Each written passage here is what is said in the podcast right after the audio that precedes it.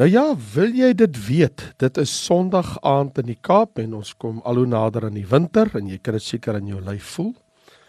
Maar wat vir my kosbaar is, die woord van die Here is ewig onveranderlik. Ek is Raymond Lombard en verwelkom jou hierso by ons aandprogram en vertrou dat die woord van die Here vir jou tot baie groot seën gaan wees. Soos jy tans weet, ons is besig met 'n reis deur die wonderlike boek, die boek Hebreërs. So, ek lees vir jou hierso in Hebreërs hoofstuk 3 vers 1 tot 6. Daarom heilige broeders, deelgenote van die hemelse roeping, let op die apostel en hoëpriester van ons belydenis, Christus Jesus, wat getrou was aan hom wat hom aangestel het, net soos Moses ook in sy hele huis. Want hy is meer heerlikheid waardig geag as Moses na mate hy wat die huis gebou het meer eer het as die huis. Want elke huis word deur iemand gebou. Maar hy wat alle dinge gebou het is God. En Moses was wel getrou in sy hele huis as 'n dienaar om te getuig van wat nog gespreek sou word. Maar Christus as seun oor sy huis. En ons is sy huis as ons net die vrymoedigheid en die roem van die hoop tot die einde toe onwrikbaar vashou. So elke week vorder ek en jy 'n entjie verder met ons reis deur die boek Hebreërs en waar ons nou gearriveer het is in Hebreërs hoofstuk 3 en praat ek met jou nou oor Jesus is groter as Moses. Die hoofgedagte hier wat hier uitkristalliseer is let op Jesus, dis hoe hy begin. Hy sê heilige broeders, let op die apostel en hoëpriester van ons belydenis. In ander woorde, hy sê let op Jesus, die gestuurde, een wat van die hemel gekom het en die hoëpriester wat 'n groter offer ter wille van ons gebring het, die een wat groter is as Moses. So Hebreërs 3 begin met 'n hele nuwe redevoering waar Hebreërs 1 en 2 die voortreffelikheid van Christus bo die engele besing het. Begin hierdie hoofstuk en sê nee, wag 'n bietjie. Dink 'n bietjie hieroor, die voortreffelikheid van Christus bo Moses. Moses was 'n geweldige figuur in die ganse Ou Testament en in die volkslewe van Israel selfs tot vandag toe. En hierdie oorgang neem nou die leser, dit is nou die een wat Hebreërs lees, nog een tree nader aan die middelpunt van die ganse leer van die boek Hebreërs en dit is Jesus Christus is die klimaks van die verlossingsgeskiedenis. Dit wil sê Hy is die vervulling van al die Ou Testamentiese beloftes, tipes, voorbeelde en skaduwees. En vestig hy nou ons aandag ten eerste op die feit: let op die apostel en hoëpriester wat voortreffliker is as Moses. En hy begin sy woorde met heilige broeders. Hy sê: Heilige broeders, julle wat deel het aan die hemelse roeping. So die gebruik van die woord broeders bevestig en sluit nou aan by die vorige hoofstuk dat Christus is nie skaam om ons die gelowiges sy broers en susters te noem nie soos wat ons mos nou gesien het uh, etlike weke gelede in Hebreërs 2 vers 11 toe hy sê dat hy skaam hom nie om hulle sy broeders te noem nie so nou dat ons Christus se broeders en susters is, is ons in die gemeente ook mekaar se broers en susters. Heilige broeders. So in Christus deel ons almal as gelowiges 'n algemene broederskap. In ander woorde, ons is in 'n familieverband met mekaar. We are family. Ek en jy in Christus, ons is familie. Ons is 'n broederskap 'n heilige broederskap want hy sê God se mense is tog heilige mense. Hy sê heilige broeders. Hy sê nie net broeders ek praat nou met julle nie. Hy sê heilige broeders en heilig bevestig dat die bloed van Jesus het ons gereinig, het ons geheilig as sy gemeente. Wow. Besef jy ek en jy as gelowiges is deel en het deel aan 'n heilige broederskap. En nou gaan hy verder. Hy sê nou dat jy deel het aan hierdie godsfamilie, moet jy ook weet dat jy en ek het 'n roeping. Hy sê julle het deel vers 1 van Hebreërs 3 aan die hemelse roeping. God het tog deur Jesus wat uit die hemel uitgekom het, het hy ons vasgemaak en ons saligheid gewaarborg. So wat hier in werklikheid staan in hierdie vers 1 is Vader het my en jou getransformeer om sy mense te wees. Ons is kinders van God. Ons is broeders. En die bloed van Jesus het ons gereinig in 'n heilige broederskap. En nou is ons bestem vir die hemelse heerlikheid volgens God se onfeilbare plan. Want ek bedoel Filippense 3 sê tog duidelik dat ons burgerskap is in die hemele van waar ons Christus verwag. So wat die Hebreërskrywer vir ons hier sê is: Let op nou dat julle weet dat julle is familie van God en dat julle 'n hemelse roeping op julle lewe. Ons is op pad hemel toe. Hy sê: Let op die apostel en hoëpriester van ons belydenis. Daai woordjie let op. Kommunikeer mos nou die gedagte van dink na, gee aandag, mediteer. Dink oor en aan hierdie saak. Wat is dit? Dis tog die hart van die Christelikheid. Dink aan die persoon en werk van Christus. Jesus is nie net ons leidsman en volëinder van die geloof nie, maar hy's ook die leidsman en volëinder van ons gedagtes, van ons hele lewe. En nou vestig hy die aandag op twee aspekte van Christus se bediening en hy laat die kollig hierop val. Hy sê Jesus is ons apostel en Jesus is ons hoëpriester. Dis baie raar, né? Baie raar wat ek en jy ooit die term in die Bybel sal lees dat Jesus is ons apostel. Niemand het dit nog ooit so gebruik en nog ooit hierdie titel vir Jesus voor hierdie skrywer dit gedoen het nie. En apostel beteken tog eenvoudig gestuurde. Jesus het tog 12 apostels gehad. Hulle was Jesus se disippels en sy 12 gestuurdes. Nou Jesus Christus in dieselfde wyse is die Vader in die hemel se gestuurde. Die Vader het hom tog vanuit die hemel na die aarde toe gestuur. So Jesus is ook 'n gestuurde. Vir dit is hy die apostel. En vervolgens sê hy en hy's ons hoëpriester. 'n Hoëpriester is pontifex en daai pontifex in Latyns is vir brugbouer. Dit beteken hy neem ons oor die afgrond. Hy neem ons van hierdie plek na daai plek. Hy neem ons en hy is vir ons ten behoeve van die Vader om vir ons in te tree. Maar later sal ek meer daaroor gesels soos wat ons aangaan in die boek. Maar wat hy nou doen is hy sê: "Maar let op Christus en hy die apostel en hoëpriester was getrou vers 2 aan hom wat hom gestuur het net soos Moses ook in sy hele huis. Skielik vergelyk hy nou Moses en Jesus met mekaar. Want Jesus word nou met Moses vergelyk. Moses was 'n man. Moses was 'n dienaar wat getrou was aan God wat hom geroep het. Moses het die volk Israel verlos. Moses het aan die volk die wet gegee. Moses was God se dienskneg in God se huis.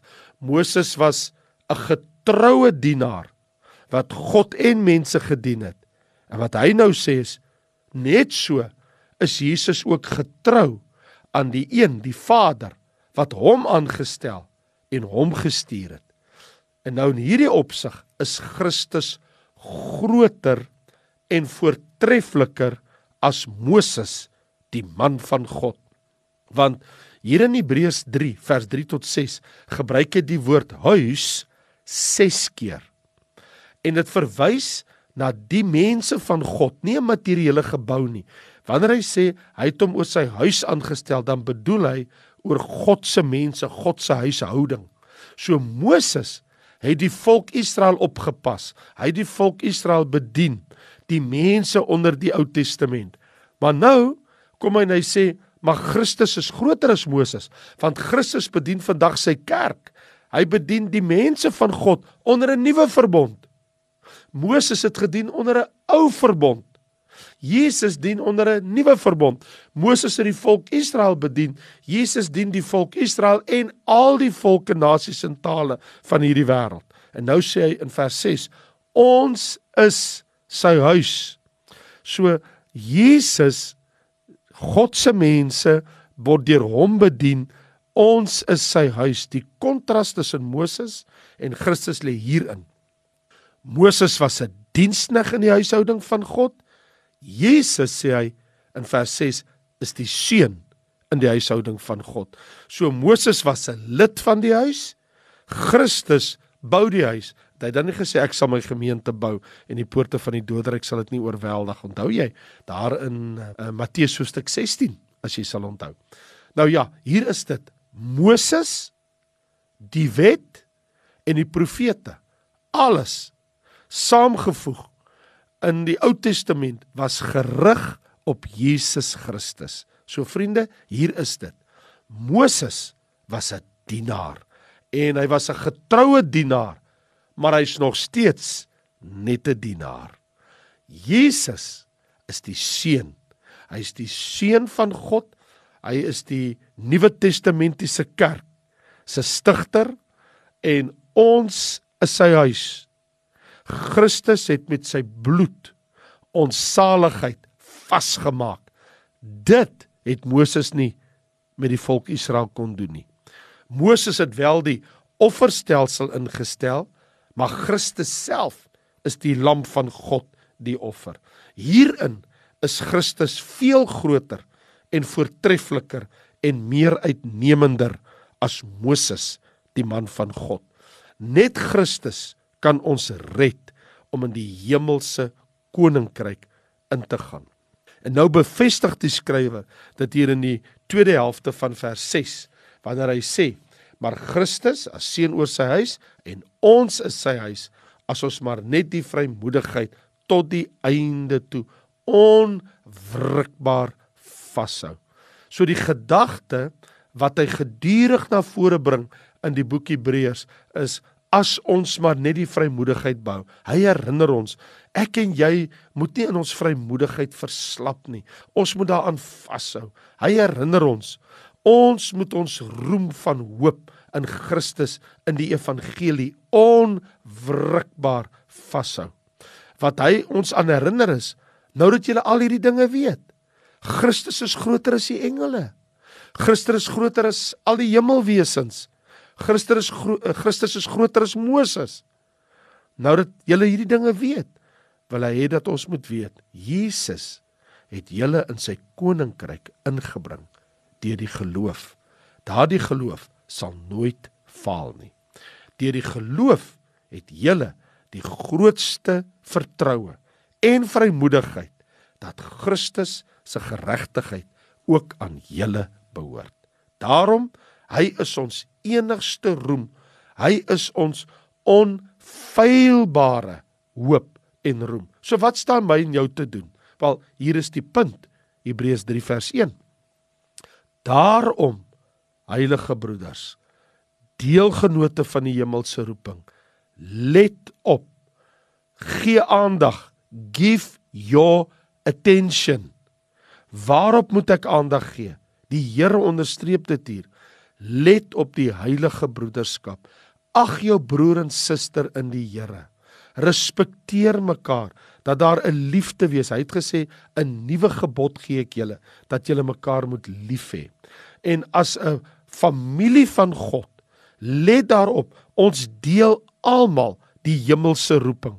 Ek en jy moet 'n ewigheid saam in die hemel deurbring. En daarom ons het 'n hemelse roeping wat ons najag en as 'n broederskap is ons onderweg ook na die heerlikheid van God. En nou sê hy Nou dat jy op die familie van God let, nou dat jy let op die eindbestemming, jy het 'n hemelse roeping. Let op julle apostel, die een wat God gestuur het na julle toe uit die hemel uit, Jesus. Let op julle hoëpriester, Christus, die een wat groter is as al die engele. Die een wat groter is as al die profete. En later sal hy in Hebreërs hoofstuk 12 vers 3 dit baie duidelik onderstreep wanneer hy sê julle moet ag gee op hom. Gee ag op hom. Maar hoe let ek op hom? Hy sê in vers 2 van Hebreërs 12 die oog gefestig op Jesus, die leidsman en die volëinder van die geloof. So hier is die ding. Christus is die grootste van alle profete want Moses was die grootste maar hy het die Ou Testamentiese wetsverbond aan die volk oorgegee aan Israel Christus het gesê 'n nuwe verbond 'n nuwe testament stel ek daar in Matteus 26 die dag toe hy die laaste pasgamaaltyd vier toe sê hy hierdie brood is my liggaam wat vir julle gebreek word hierdie beker die bloed van die nuwe testament so Jesus is groter hy het 'n nuwe testament gebring en die Ou Testament is nou by verdwyning. Want dis ons wat daar staan in Hebreërs 8 vers 13. As hy sê 'n nuwe verbond, het hy die eerste oud gemaak. En wat oud word en verouder, is naby die verdwyning.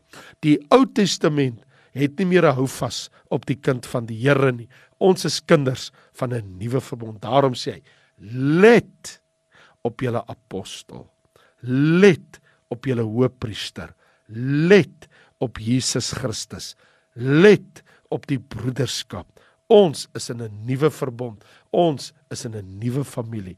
Ons is family. We are family in Christ. En daarom sê die Bybel, dra mekaar se laste, gee ag op mekaar en ondersteun mekaar en bid vir mekaar, want Jesus skaam hom nie Hebreërs 2 om ons sy broeders te noem nie. Is dit nie wonderlik?